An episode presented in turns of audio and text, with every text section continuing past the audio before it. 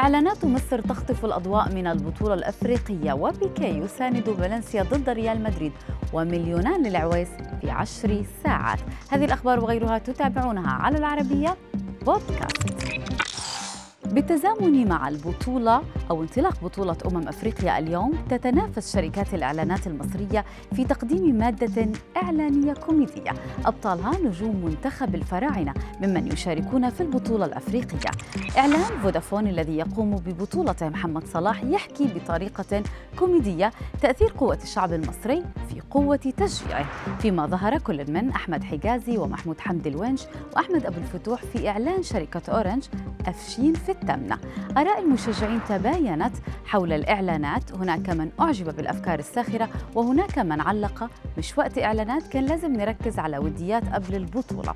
يذكر أن مصر تحمل الرقم القياسي في عدد ألقاب البطولة الأفريقية بواقع سبع بطولات آخرها في العام 2010 وتبدأ مصر مشوارها في المسابقة الثلاثاء أمام نيجيريا. فالنسيا يتهم ريال مدريد بالسرقة ولاعب برشلونة يؤكد المعلومة. في تغريدة على تويتر أبدى نادي فالنسيا الإسباني اعتراضه على صحة ركلة الجزاء التي سجل منها كريم بنزيما الهدف الأول لريال مدريد ضد الخفافيش.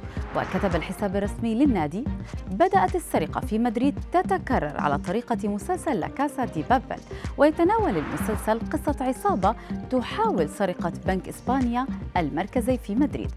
ليعلق لاعب برشلونة بيكي على التغريدة ساخرا. لا تقولوا ذلك بصوت مرتفع لأنكم ستتعرضون للعقاب.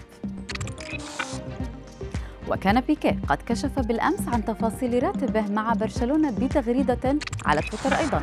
وذلك ردا على صحفي إسباني ادعى بأنه يتقاضى رواتب عالية من النادي المتعثر ماليا. ونشر بيكي صورة تفيد بتقاضي قرابة مليوني دولار وهو ما يمثل نصف راتبه. وطالب اللاعب الكتالوني في تعليقه بالقليل من الاحترام. حصد الإعلان عن توقيع نادي الهلال المفاجئ مع حارس المنتخب السعودي محمد العويس أكثر من مليوني مشاهدة في 12 ساعة فقط. الإعلان الذي جاء بصوت فنان العرب محمد عبده حمل رسالة تقول القنص بالركادة والتسرع جهالة في إشارة إلى طبخ الصفقات على نار هادئة.